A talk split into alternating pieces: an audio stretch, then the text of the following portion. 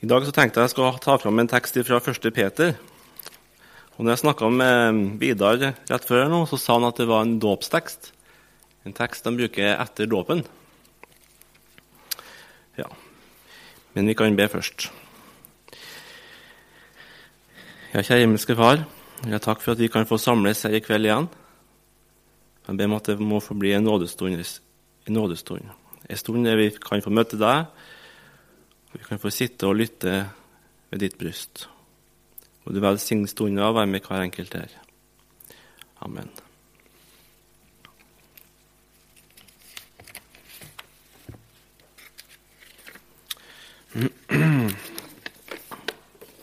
Her står det klart vann òg. Veldig bra. Jeg må ha det. Første Peter, ja. Eh, kapittel 1 og vers 3-6.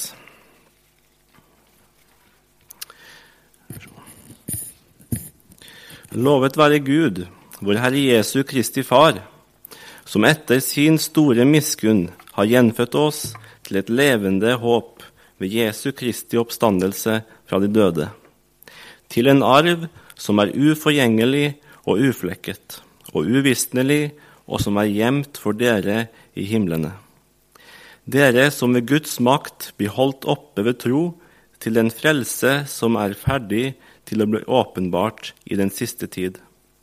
Derfor jubler dere av glede, selv om dere nå en liten stund, når så skal være, har sorg i mange slags prøvelser.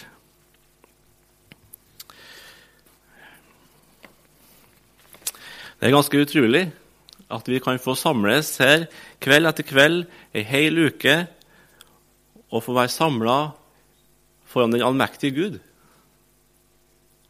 Og ikke bare at vi måtte samles, at vi samles og er i lag, men at det faktisk er en Gud som vil ha noe med oss å gjøre. En som vil være her sammen med oss, og som vil møte oss. Og Det er ikke en Gud, det er snakk om en Gud som bare overlater oss til oss sjøl. Vær så god, her har du livet. Nyt det så godt du kan. Det er opp til deg sjøl hvordan det blir.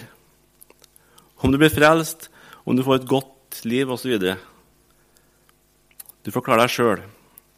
I møte med livet, i møte med synda, smerten, angsten og sorg og pine og alt du kan møte i livet. Du får klare deg sjøl. Nei, det er ikke en sånn Gud vi har med å gjøre, som kommer til oss og er med oss i kveld. Det er en Gud som kommer til oss og går oss i møte det er på en måte han som tar det første steget. Men kanskje ikke alltid som vi har tenkt og har sett for oss at Gud skal gjøre. Og Det er mange ganger at vi måte, ikke kan forstå eh, hvorfor, gjorde, hvorfor gjorde du sånn, Gud? Hvorfor ble det sånn? Hvorfor ble livet mitt sånn her? Hvorfor lar du meg oppleve akkurat det jeg erfarer i livet mitt? Og så kan vi mye ramse opp da, med f.eks. krig og elendighet og sykdommer, sult og vonde ting jeg har i livet mitt å bære på. Og så er det ikke alltid vi klarer å forstå hvorfor. Hvorfor er det sånn, Gud? Men så er det én ting som er sikkert. Han er den som kommer først. Han er den som kommer til oss. Det er han som tar initiativet, og det er for vårt beste. Vi kan f.eks. ta Adam når han falt i Edens hage. Det var ikke snakk om at det var Adam som kom til Gud. At det var Adam som kom fram til Gud og hadde behov for at han kom når han falt. Nei, det var Gud som gikk i hagen og ropte etter Adam. 'Hvor er du hen, Adam?' Og så har Adam bare gjemt seg og prøvd å skjule seg.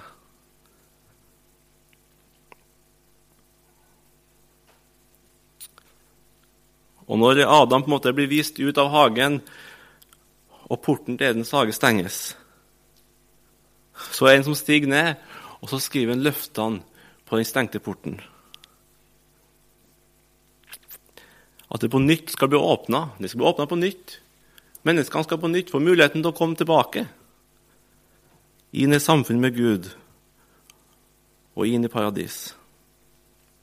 Og så kommer Gud ned, og så skriver han løfter han på døra. Og Så kan vi følge historien i Israelsfolket gjennom Bibelen. Og så er på en måte, Du ser på en måte alltid det Gud som handler. Det er Gud som kommer inn i bildet og prøver å berge sitt folk og redde dem og lede dem. Og Kanskje han må legge litt byrder på dem av og til. Han må liksom bare vise litt dem og presse litt på dem. Eller kanskje han må komme og dra dem opp fra gjørma. Og det er et folk som står og roper om hjelp til Gud. Og så kommer Gud. Og så er Gud som har gått foran. Han har tatt det første steget. Og det er aldri Gud som svikta sitt folk. Gud han sto der med sine løfter, og han sto alltid foran sitt folk og med sitt folk. Men de ville ikke ha noe med han å gjøre. De bare skyver den bort. Gud, det vil vi ikke ha. Og Sånn kan det være i dag òg. Vi kan på en måte ikke ha noe med Gud å gjøre. Men det betyr ikke at han er fraværende. Hans løfter står, og han har tatt det første steget.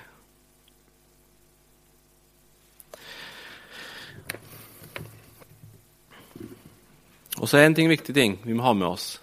Det er at Gud han ser annerledes enn oss på ting, enn vi mennesker gjør. På hvilken måte tilstanden er i verden. Det perspektivet Vi er syndige, mens Gud han er hellig. Vi ser med våre syndige øyne, mens han ser med sine hellige og rene øyne.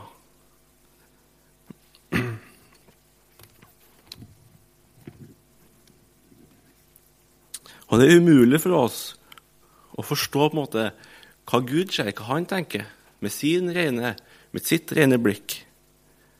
Vi er så, det er så forskjell mellom oss og Gud som natt og dag. Så stor er forskjellen. Vi kan ikke forstå Guds tanke eller fatte. Det måtte umulig for oss. Jeg bruker å tenke på, tenke på det at nesten kanskje samme som eh, mann og kone. Det er ikke alltid så enkelt å forstå for guttene å forstå jentene, og motsatt. Hvordan ting henger i hop. Jentene reagerer helt annerledes på ting i forhold til en mann eller en gutt. Bearbeider ting annerledes. Og så på en måte skjønner vi ikke helt hverandre hvordan du tenker, og så kan det bli konflikter. Hvordan, hvorfor gjør du sånn? Hvorfor reagerer du sånn? Sånn kan det være i forhold til Gud òg. Og når vi på det tenker vårt eget beste, mitt beste, så tenker vi at jeg må få ditt og datt, jeg må få sånn og sånn i livet. Fri for sykdom, krig og sult og alt det her. Så kan vi se for oss hvordan vi kan ønske det, hvordan vi vil ha livet. Vi må ha harmoni i livet. Og det er jo rett og godt. Det er jo en fin ting, det, å ville ha det. Det er ingen, ingen eh, dum tanke. Men når Gud ser på mennesket, og når Gud tenker det beste for mennesket, så er det ikke sikkert det han tenker på. For det måte én ting Gud har i tankene sine om oss, som på en måte ligger over alt. Det at mennesket må nå fram til himmelens port. Må En dag må mennesket også stå innom porten. Den porten som jeg skrev løftene på. En dag må de menneskene jeg er så glad i, komme inn dit.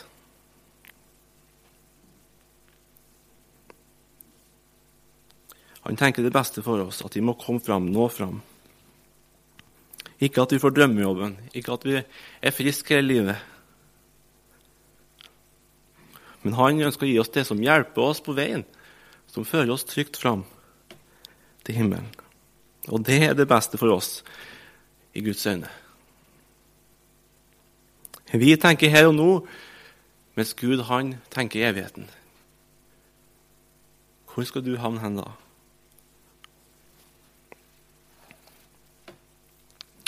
Og så om vi da møter litt motstand, om Gud ser at litt motstand du trenger i livet, eller du trenger litt byrder, så sender Gud oss det. Eller hvis Gud ser at du trenger litt bli løfta fra skuldrene, så gjør han det. Han ser, han gjør det som er best for oss for å nå fram.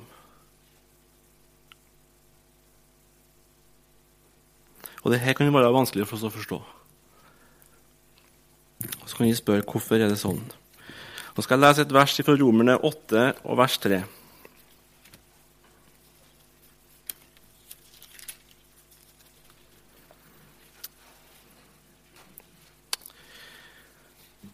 For det som var umulig for loven, fordi den var maktesløs på grunn av kjødet, det gjorde Gud da han sendte sin egen sønn i syndig kjøds lignelse, for syndens skyld og fordømte synden i kjødet. Altså, det som var umulig for oss mennesker, det som var umulig for oss, det gjorde Gud. Det er umulig for oss å komme til himmelen. Det er umulig for oss å få til å åpne opp porten og gå inn. For vi er maktesløse på grunn av våre synd og alt vi bærer på. Det finnes ingenting vi kan gjøre. Men så står det 'Det gjorde Gud'. Det gjorde Gud. Gud kunne gjøre noe med det. Han berge, kunne berge mennesker fra synda og sorgen, og han gjorde det. Og Det gjorde han ved å sende sin, synd, nei, sin sønn, som sona verdens synd, i vårt sted. Så tok han bort det som skiller oss, det som stenger oss ut. Det tok han bort.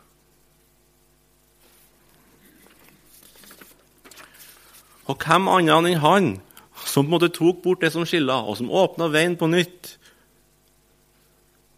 vet hvordan han skal berge oss fram? Ikke vi mennesker, i hvert fall, for vi er maktesløse. I det perspektivet så har vi ingenting å stille opp med. Det er bare Gud som vet hvordan vi kan bli ført fram. Og så er det en eh, sang jeg tenker på, som jeg, som ofte tenker på, fra en finsk prest, tror jeg. Styr du min vandring, frelses så kjær. Det står på 377. Du kan lese det første verset bare. Styr du min vandring, frelse så kjær, slik at den leder dit hvor du er. Og la mitt øye skue din høye herlighet der. Styr du min vandring, Gud, må du føre meg hjem.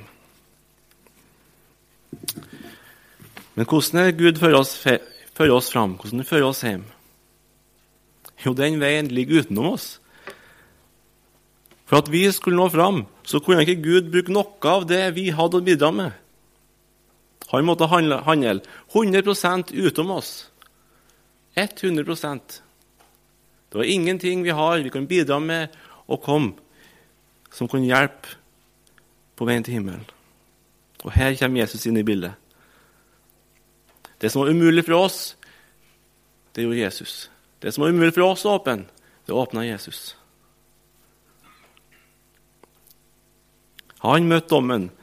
Han oppfylte kravene. Han tok straffen. Fordi det var umulig for oss, så gjorde han det. Og Dette kan nettopp bli en kamp for oss kristne. At det er umulig for meg. Det kan bli en kamp. Og for du som kanskje nettopp har blitt kristen, eller du som alltid har vært en kristen Du kan få kjenne på det at alt som lever inni ditt hjerte og inni din kropp og din tanke, at det måtte vil hindre deg. Kanskje du kjenner på at du har svikta. Du har kanskje svikta en venn, kanskje en i familien. Satt ut et dårlig rykte.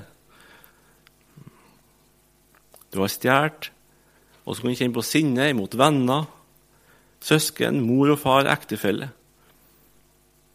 Så kanskje du har stått framom din egen bestevenn eller framom din mann eller framom din kone, og så har du lygd personen rett opp i ansiktet. Og så kan jeg spørre spørsmålet hvorfor. Hvorfor lyver du?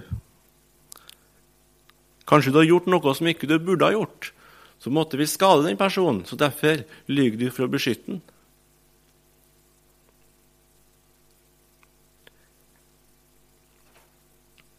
Og så kan jeg stille spørsmålet Hvorfor gjør du ting så du må lyge?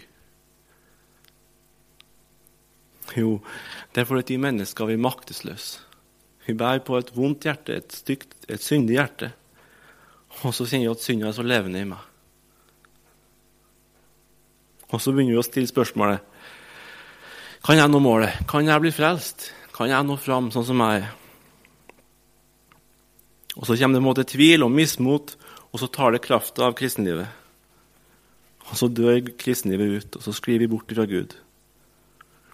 Og Derfor er det så viktig at vi tar med oss det som står i teksten her, som Gud vil si oss her i 1. Peter. Eller Peter vil si oss i 1. Peter-brevet her.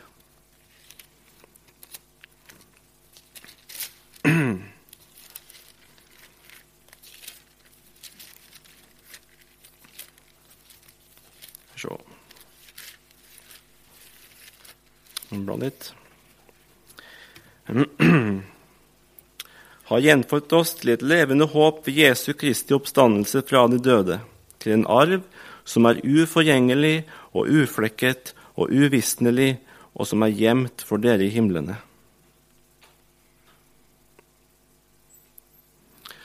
Når vår redning er 100% ut, 100 utenom oss, så er det heller ingenting vi kan gjøre for å ødelegge den. Har dere tenkt på det? Når redninga er 100 utom meg og deg, så er det ingenting vi kan gjøre for å ødelegge den.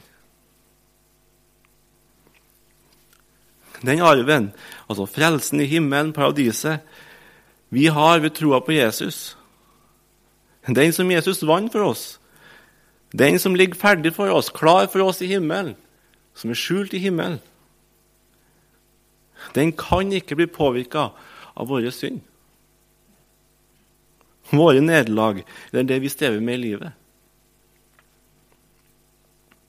Den er uforgjengelig, står det. Den kan ikke gå ut på dato. Sånn at det må gjøres på nytt. Som, det som Jesus har gjort, det ligger klart for oss og ferdig for oss. Den er uforgjengelig. Den står der så lenge vi lever og ut i evigheten. Uforgjengelig. Og så er den uvisnelig. Den kan ikke tape sin skjønnhet, sin prakt, sin rikdom, sin hellighet, sin verdi. Den er uvisnelig. Armen er like fullkommen og fantastisk hele evigheten lang. Og så er den uflekka. Men det står i 2011 den kan ikke skitnes til. Eller I en gamlere oversettelse så står det den er usmittelig. Usmittelig. Den kan ikke skitnes til, og kan ikke bli skitna til av våre synd. Gud har gjort det sånn at vi ikke kan ødelegge den eller gjøre noe med den. Eller glise til arven vår. Og Satan kan heller ikke bryte inn og ødelegge den for oss.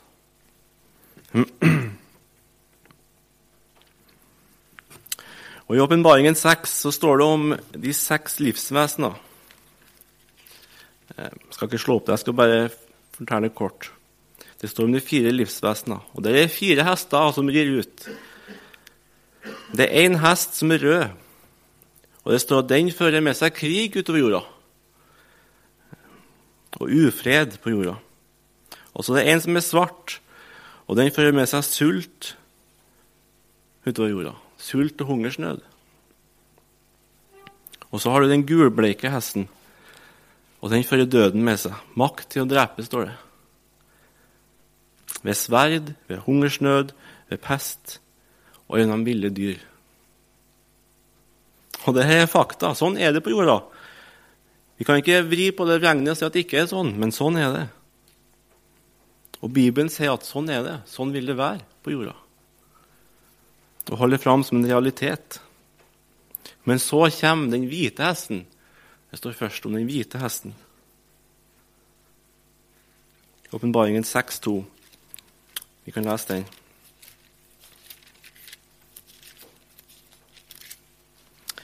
Og jeg så og se en hvit hest, og han som satt på den, hadde en bue, og det ble gitt ham en krone, og han dro ut med seier for å seire. Den gir ut med seier for å seire. Det måtte ingenting av de hestene som var før, og som var i verden, kunne prege den eller gjøre noe med det. Han gikk ut med seier for å seire. Og han seira for oss mennesker her på jorden. På tross av alt det vonde som var. Usmittelig.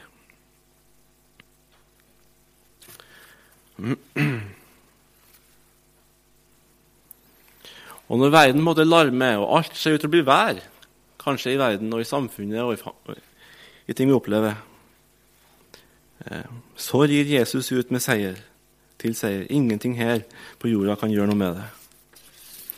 For han har seira. Og midt i det her står vi mennesker, i denne verden, og med vårt syndige hjerte.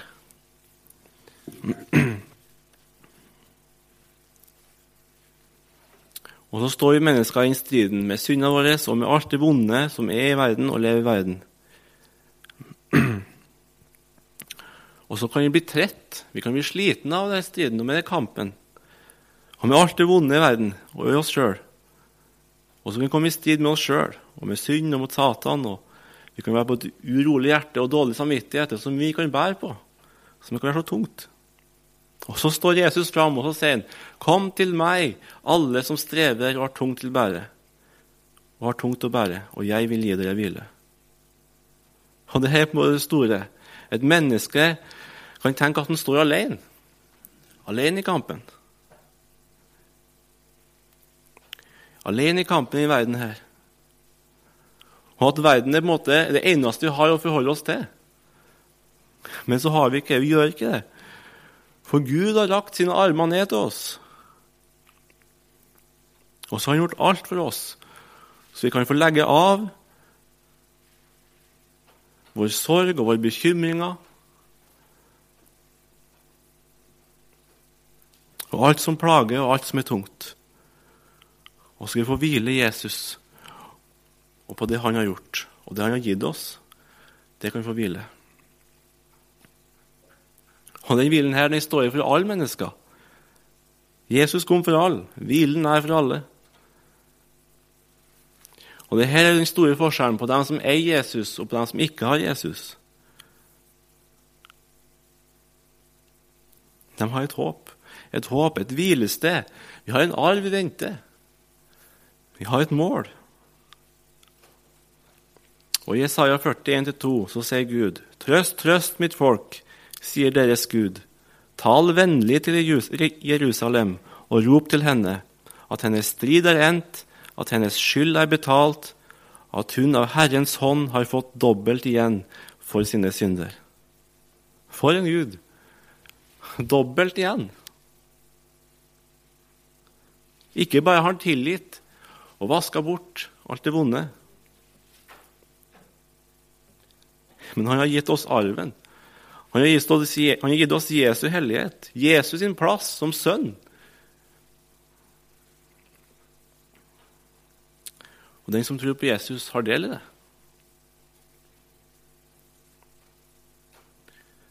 Og den eneste måten å miste denne arven på, det er å miste Jesus, eller ikke høre Jesus til. Og det eneste måten å få det på, å oppnå det på, det er gjennom Jesus. Jesus sier, 'Jeg er veien, sannheten og livet'. Tro på Gud og tro på meg. Men hvordan blir jeg bevart? Hvordan kan jeg klare å holde fast på Jesus og holde fast på det han har gjort? Og måtte holde meg fast i troa på Jesus? Jeg tviler så fort. Jeg svikter så fort. Det glipper så fort for meg. Men da står det videre i 1. Peter. Det, I vers 5.: Dere som ved Guds makt blir holdt oppe ved tro. Dere som ved Guds makt blir holdt oppe ved tro. Gud har tatt på seg ansvaret for å føre oss gjennom livet. Styr du min vandring, Gud? Og fra vår side er det ikke noe snakk om noe annet enn å stole på Gud og sette vår lit til Han. Styr du min vandring, Gud. Før du meg hjem. Og sette vår lit til Jesus som vår frelser. Og legge bort alle krav til oss sjøl. Krav til meg sjøl om hvordan jeg skal være og hva jeg skal gjøre. Men bare å stole fullt og helt på Jesus. Og det, å, det om å vinne verden, eh, det å seile over verden, seile over livet Det handler ikke om å mestre livet, om å overvinne livet. Eller hvordan vi føler vi har det, og hvordan vi føler ting går. Nei, det handler fullt og helt å stole på Jesus og på det han har gjort. For han har seira. Og likevel kan det være det som er så vanskelig. Det var ei jente som var dødssyk. Hun lå for døden. Og Mora var selvfølgelig bekymra, så hun sendte bud etter presten om han kunne komme og ta en prat med henne. Prate med henne. Og Så kom han i samtale med hun jenta. Og så syntes presten det var så fantastisk flott å få snakke med hun jenta. For her var ei jente som sa hun hadde et hjerte knytta til Jesus. Jesus var alt i livet. Å, Jesus var så stor for henne. Og måtte, Han fikk høre på det vitnesbyrdet om det forholdet hun hadde til Jesus. Og Så for presten hjem, og så gikk det noen uker, og så fikk han beskjed om at nå har jenta reist hjem. Og Så kom han, for han tilbake til mora for å ta en prat med henne. Og Så spurte hun mora om jenta fortsatt holdt fast ved Jesus, om Jesus fortsatt hadde den plassen. Så sa hun, så hun ned. Og så på slutten, rett før hun reiste hjem, så skifta hun tone. Da var det ikke lenger den her 'Jeg skal holde deg fast, Jesus'. Men nå måtte hun da strekke armene sine og sa 'Jesus, nå klarer ikke jeg å holde deg fast lenger. Nå må du holde meg fast.' Nå må du holde meg fast, Jesus. Og så fikk hun sovne inn i Jesu hender. At hun, han fikk ta seg av jenta. Og så er det en sang på 397.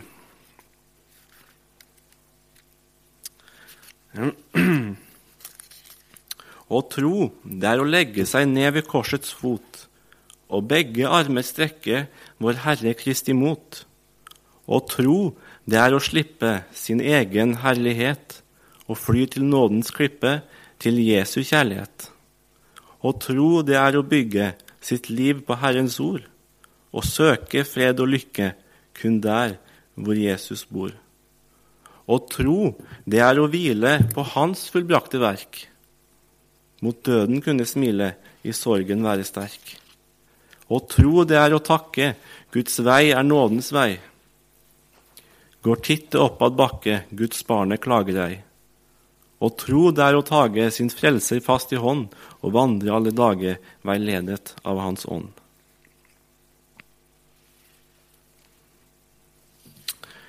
Den hvile vi har i verden, den hvile i tro på Jesus. Den hvile vi har mellom kamp og mellom slagene. Midt i en verden som larmer. Og så er det underlig at vi kan få ha fred der hos Jesus og få stole på det og få trøste oss til det og klynge oss til det.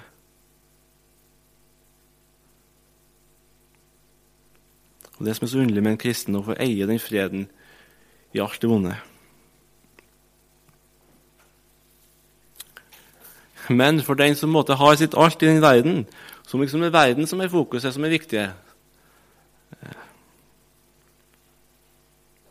Så den hvilen her uforståelig. Skjønner ikke hvordan kan ha det sånn. Hvordan kan en kristen ha det sånn?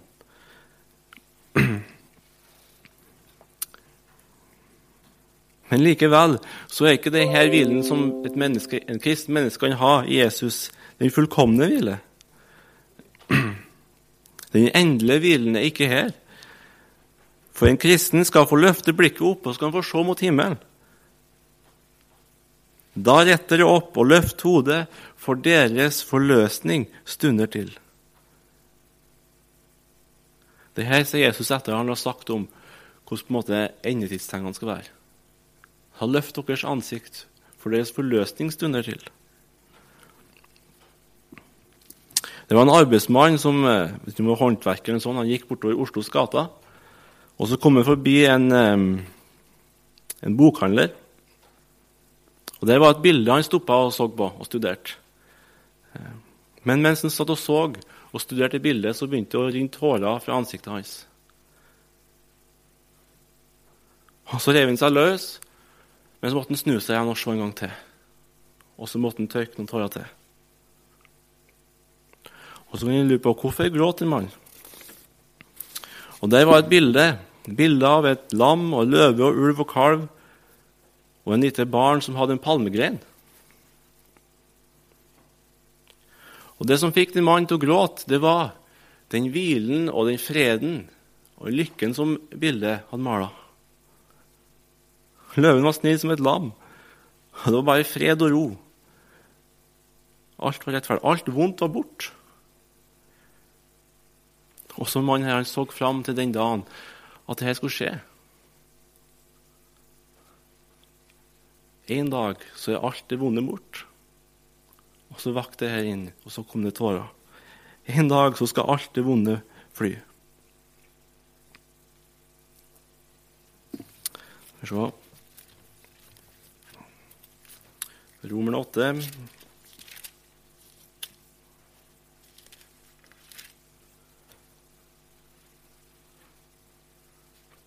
vers 23, tror jeg. Vers 22-23. For vi vet at hele skapningen til denne stund sukker sammen og stønner sammen som i veer. Ja, ikke bare det, men også vi som har fått Ånden som førstegløde. Også vi sukker med oss selv mens vi lengter etter vårt barnekår og vårt legemes forløsning. Det onde og det gode skal skilles fra hverandre. Den gamle natur som vi hørte om i går, og den nye natur skal skilles fra hverandre. Vårt gamle kjød skal bli liggende igjen i jorda med all sin synd. Og så skal det nye livet vi har hos Jesus, få leve videre. Og vil jeg spørre venter du på den dagen her? Lengter du etter den dagen her? Når din forløsning stunder til? Lever du i håpet? Venter du på den dagen at en dag skal alt det vonde være forbi? Eller kanskje du har blitt fanga av den verden her sin stress, av krav og karrierejag og alt det som verden har å gi? At du ikke lenger har på en måte tid eller har tid til å bruke en tanke for at nå skal jeg få løft blikket og få se at min forløsning er til. Og kanskje verden har tatt bort lengselen. Bare verden som måtte i fokuset. Og du lengter etter de jordiske ting. Men nå skal vi få høre i kveld På grunn av det Jesus har gjort, så skal vi få løfte blikket i lag. En dag skal vi få bli satt fri. En dag kommer Jesus igjen for å hente sine. For en dag det skal bli. Når vår forløsning stunder til.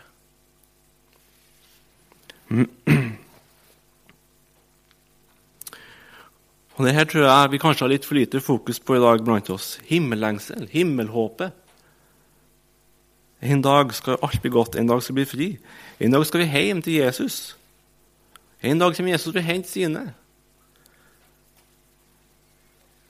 Og I stedet så er det kanskje en millionvis av mennesker som kommer i sjokk og får panikk den dagen. For de hadde ikke regna med at Jesus skulle komme igjen. Du skulle ikke finnes, du skulle ikke eksistere. De var blitt så opptatt med verden og alt som var her. At de ikke hadde sett, de hadde ikke fått sett den arven som lå klar, den gaven som Jesus har gitt oss. Den arven han hadde for oss mennesker. De har ikke fått sett. Eller de var blinde som ikke fikk se det. Livet har blitt alt. Det er en bok som heter 'Våre lamper slukner'. og Det var en sånn forretningsmann som heter Mobek. Og Han var en eh, Jeg vet ikke hvor stillinga hadde i menigheten, men var menighetsleder. men jeg vet ikke helt sikkert. Men han i hvert fall litt høyt opp, hadde masse penger og var en viktig mann i menigheten som ga mye penger, og som var en sånn økonomisk stolpe. Og Så var det en kveld han satt hjemme med sin familie. Det kanskje lov og sov. Og så brakte det fram et skikkelig uvær, tordenvær og lynvær, som de aldri før har hørt eller sett maken til. Og da fikk han panikk. Det første som slo han og kona, nå kommer Jesus igjen. Og da var det å samle sammen ungene. Nå må vi be. Nå må vi gjøre oss klare. Nå må vi fram med vår synd. Vi må be til Jesus. Gi nå fin gamlemor. Og så la det seg. Så det har skjedd en gang til. Og det samme igjen. Nå kommer Jesus. Nå er de helt sikre. Og samler sammen noen folkene og ungene igjen. Og gi nå fin gamlemor. Nå må du komme, gamlemor. Vi må be, vi må komme fram til Jesus. For nå kommer han. Og så bare kommer det fra gamlemor. Nei, det gidder jeg ikke å være med på. Jeg orker ikke å være med på det. Dere får bare be dere. Ja, men Jesus kommer jo igjen, sier Mobekk. Mor, du må komme. Og så sier gamlemor da. Ja, hvis Jesus kommer igjen, hvis det er Jesus som kommer nå, da skal jeg rette strikketøyet mitt fram til ham og så skal jeg ønske ham velkommen. For jeg har venta på ham. Jeg har venta på Jesus så lenge. Hun var klar. Hun var reiseklar. Hun venta på Jesus. Kommer du snart, Jesus? Er du en av dem som venter? Ja. Det er store ting. Det er stort å få være en del av en sånn arv. Det er flott. Jeg tror ikke jeg skal si noe mer nå. Bare, vi kan til helt til slutt så skal vi bare lese sånn som det står i Åpenbaringen, kapittel 21. Der det skildres på en måte eh, den nye himmel og den nye jord. Fra vers 1 til vers 6. Og jeg så en ny himmel og en ny jord, for den første himmel og den første jord var veket bort, og havet er ikke mer. Og jeg så den hellige stad, det nye, det nye Jerusalem, stige ned ut av himmelen fra Gud, gjort i stand som en brud som er prydet for sin brudgom. Fra tonen hørte jeg en høy røst som sa, Se, Guds bolig er hos menneskene. Han skal bo hos dem, og de skal være hans folk. Og Gud selv skal være hos dem og være deres Gud. Han skal tørke bort hver tåre fra deres øyne, og døden skal ikke være mer, og ikke sorg og ikke skrik og ikke pine skal være mer. For de første ting er veket bort. Og han som satt på tronen, sa, Se, jeg gjør alle ting nye. Og han sier til meg, Skriv, for disse ord er troverdige og sanne.